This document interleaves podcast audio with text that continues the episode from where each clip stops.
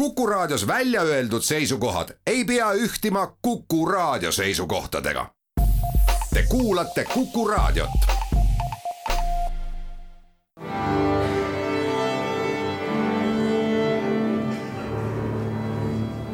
daamid ja härrad, Eesti Kontserdi saade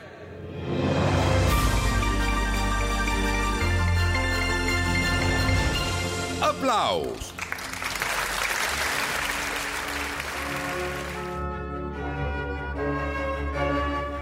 Tere kõigile, Eesti Kontserdi saade Applaus, mina Lauri Aav. head lähenevat kodumaa sünnipäeva kõigile. ei saa küll öelda, et otseselt vabariigi aastapäeva tähistuseks, aga üsna lähedalt sellega seotult annab kaks kontserti Eesti Sinfonietta kontserdi pealkirjaks on Teel Viini ja see on nüüd küll otseselt seotud ka nende lähemate plaanidega. Nende kontsert Viini kontserthausis saab toimuma juba kahekümne viiendal märtsil. üldse on see Eesti Sinfonietal Viiniga märkimisväärsed kogemused, sest viimati oli nende kontsert seal mõned aastad tagasi Musikvereini kuldses saalis. seesama ikooniline kontserdikoht, mis esimese jaanuari Viini filharmoonikute uusaasta kontserdi telepildist on ilmselt kõigile tuttav ja kus ülesastumine teeb teeb au kindlasti eranditult kõigile maailma suurimatele sümfooniaorkestritele. miks ma seda kõike räägin, on see, et enne Viini kontsertreisi on eelkontserdid publiku ees juba sel laupäeval, kahekümne kuuendal veebruaril Estonia kontserdisaalis ja pühapäeval, kahekümne seitsmendal veebruaril Jõhvi kontserdimajas kui Viinis käidi kunagi Kristiina Poskaga, siis nüüd on dirigendiks soomlaste tõusev täht Emilia Hoving ja Emilia on praegu oma kuulsa kaasmaalase Mikko Franki kutsel Pariisis Radio France'i sümfooniaorkestri alaline abidirigent. Nii aga kavas on neil nii siin kui Viinis Haydni esimene sümfoonia, Arvo Pärdi Fratres, Lotta Vennakoski, Soome kaasaja ühe esitatuima helilooja teos Hava ja Arvo Pärdi Cantus in memoriam Benjamin Britten ning Haydni saja neljas sümfoonia ehk siis mm, Haydni esimese ja viimase sümfoonia raamistuses natukene Eesti ja Soome kaasaegset parimatest parimat muusikat. väga sellise selge ja toreda kavastruktuuriga kontsert tuleb laupäeval Estonia kontserdisaalis ja pühapäeval Jõhvi kontserdimajas ja sealt edasi olemegi kontsertidega märtsikuus ja kui äh, veebruaris nüüd siin neil päevil on pärast kuu alguse Mustonen festival veidi nagu selline rahulikum kontserdiaeg, siis märts ja aprill tõotavad tulla erakordselt kontserditihedad ja teatud põhjus on sellel ka muidugi eelmisest aastast edasi lükatud kontsertide maandumine selleaastasesse kavasse, sest mäletate ikka, praegu aasta tagasi oli meil ju kontserdielu sisuliselt lukus nii on neljandal märtsil Pärnu kontserdimajas ja viiendal märtsil Estonia kontserdisaalis kontsert pealkirjaga Astor Piazzolla sada üks ja nagu te aimate, on see aasta võrra edasi lükatud saja aasta juubelikontsert nüüd siis lõpuks. Tim Kliphusi trio ja Tallinna Kammerorkester Tim Kliphusi trio on võrratult vaimukas ja virtuoosne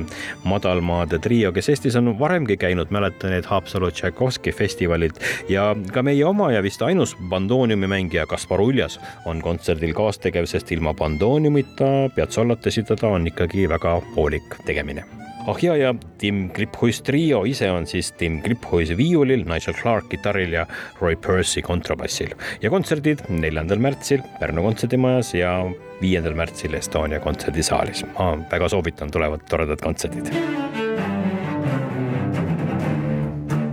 seitsmendast kaheteistkümnenda märtsini on kõigis meie kontserdimajades, kusjuures kaheksandal märtsil, pange tähele, Estonia kontserdisaalis Valter Soosalu ja Estonian Cello Ensemble. Andreas Lend, Estonian Cello Ensemble, kuus tšellot ja mitte midagi muud ei olegi. Ja sellest teha ansambel, natukene hullumeelne idee tundub. Minu arust see on väga hea idee, et, et meie see koosseis sai alguse kahe, kahe tuhande neljateistkümnendal aastal Leego Järve muusikal, kus me Jarek Kasariga sattusime ühte kava koos mängima ja seal tõsi Jarek ristis selle ansambli pool huumoriga öeldud niimoodi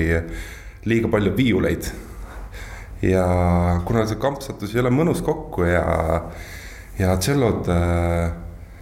loovad natuke siukse mõnusa mesilase pesa ja sellega saab nagu kõike teha, siis äh, sealt tuli meil mõte edasi seda kooslust äh, natuke tõsisemalt äh, teha. Hästi paljudes maades on olemas tšelloansamblid, aga Eestis selline nii-öelda regulaarselt tegutsev ansambel puudus. ja me nägime kohta, et mehed on olemas, tahtmist on. ja hakkasime kavu ja programme koostama. isegi pigem me, algne suund oli meil vähe sellisem tõsisem muusika, et hästi palju mängitakse selliseid äh, nii-öelda klassikalise muusika hitte cover'id tehakse lihtsalt seadet kuuele, kaheksale, kümnele tšellole. Me võtsime kohe ette, et ah, et hakkame tellime originaalmuusikat, et, et Timo Steiner on kirjutanud meile, Karina Grigorjeva, Erkki Svendüür, Olgel Marjamaa näiteks Amsterdam tšello oktett, maailmakuulus äh, ansambel on kaheksa tšellot, Sea Jam ja soomlaste Apokalüptika on neli, et, et kust te leidsite, et kuus on see optimaalne arv? täpselt kõlaliselt, mulle isiklikult tundub niimoodi, et neli on liiga kvartett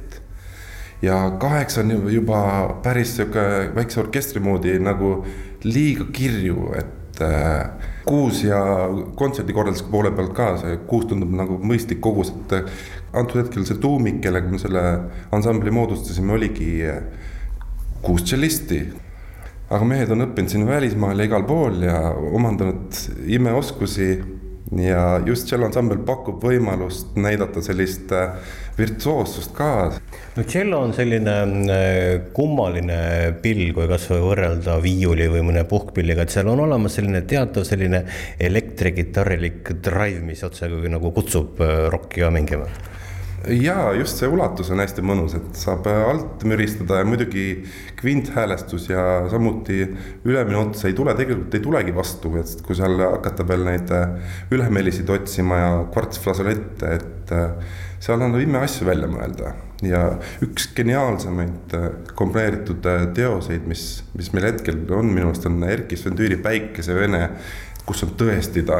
ta täpselt teab, mis sellega teha saab, kuidas, kui need on samad instrumendid kuus tükki koos, kuidas see nagu tööle panna, see on nagu muster äh, kompositsiooni näide minu meelest no see on üks äh, Inspe vanadest äh, legendaarsetest progerocki lugudest ajast, kui Erkisson ise veel Inspes oli. ajalugu sellega seoses, et te hakkasite mängima Inspe vanu lugu, see läheb ka üsna kaugesse aega, kas see oli vist kaks tuhat seitseteist Eesti muusikapäevadel?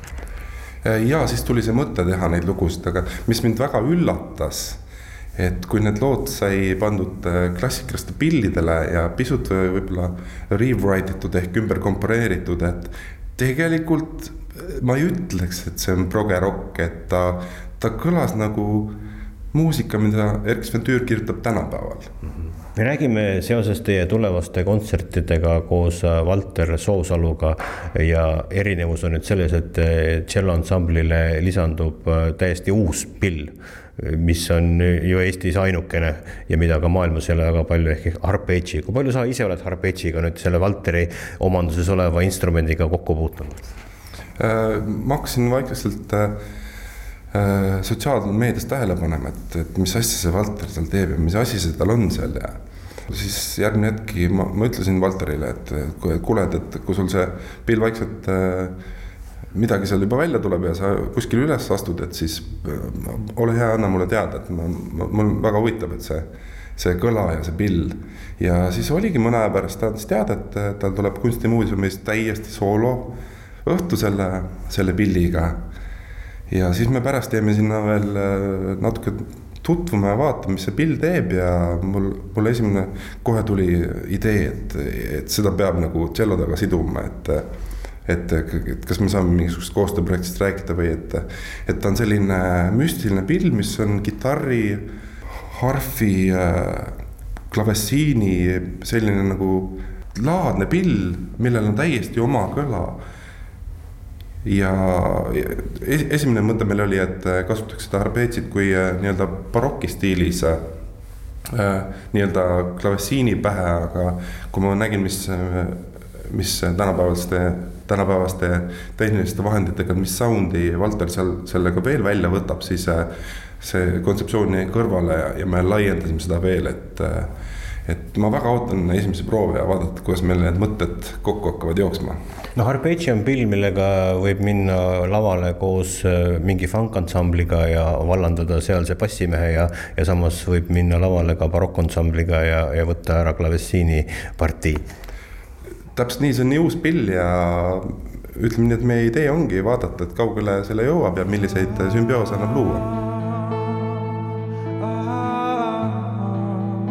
kavas on Erkki Sven Tüüri, Sven Grünbergi, Giovanni Sollimaa, Philip Glassi ja Valter Soosalu enda teosed ja seaded sellele eriilmelisele koosseisule. Ja kontserdid on esmaspäeval, seitsmendal märtsil Jõhvi kontserdimajas, teisipäeval, kaheksandal märtsil Estonia kontserdisaalis, üheksandal märtsil Vanemuise kontserdimajas ja laupäeval, kaheteistkümnendal märtsil Pärnu kontserdimajas kohe pärast seda, kümnendal märtsil on Estonia kontserdisaalis klaveriõhtu, mille peategelaseks on Stephen Ho, Inglismaa ja Austraalia pianist Steven Hope, pianist, helilooja, klaveriprofessor, kirjanik ja ajakirjanik. ta on värvikas isik ja suur kunstnik, salvestanud ligimale kuuskümmend plaati ja pälvinud akadeemilise muusikamaailma kõrgeimat võimalikku tunnustust päris ohtralt. Deutsche Schallplattenpreis ja mitu Grammy nominatsiooni, kaheksa Gramophone Magazine'i aastaauhinda, sealhulgas ka aastaplaadid ja Gramophoni kuldplaat kaks tuhat kaheksa aga kavas on tal neil kontserditel Robert Schumanni Chrysleri Jana, Stephen Ho enda Partita ja Chopini ballaadid ja skertsod ja see kõik kogu see toredus kümnendal märtsil Estonia kontserdisaalis. päev enne seda, üheksandal märtsil on aga Kukus meie järjekordne saade, kus räägime märtsikuu järgmistest kontsertidest. seniks aga käige kontserditel, kõike paremat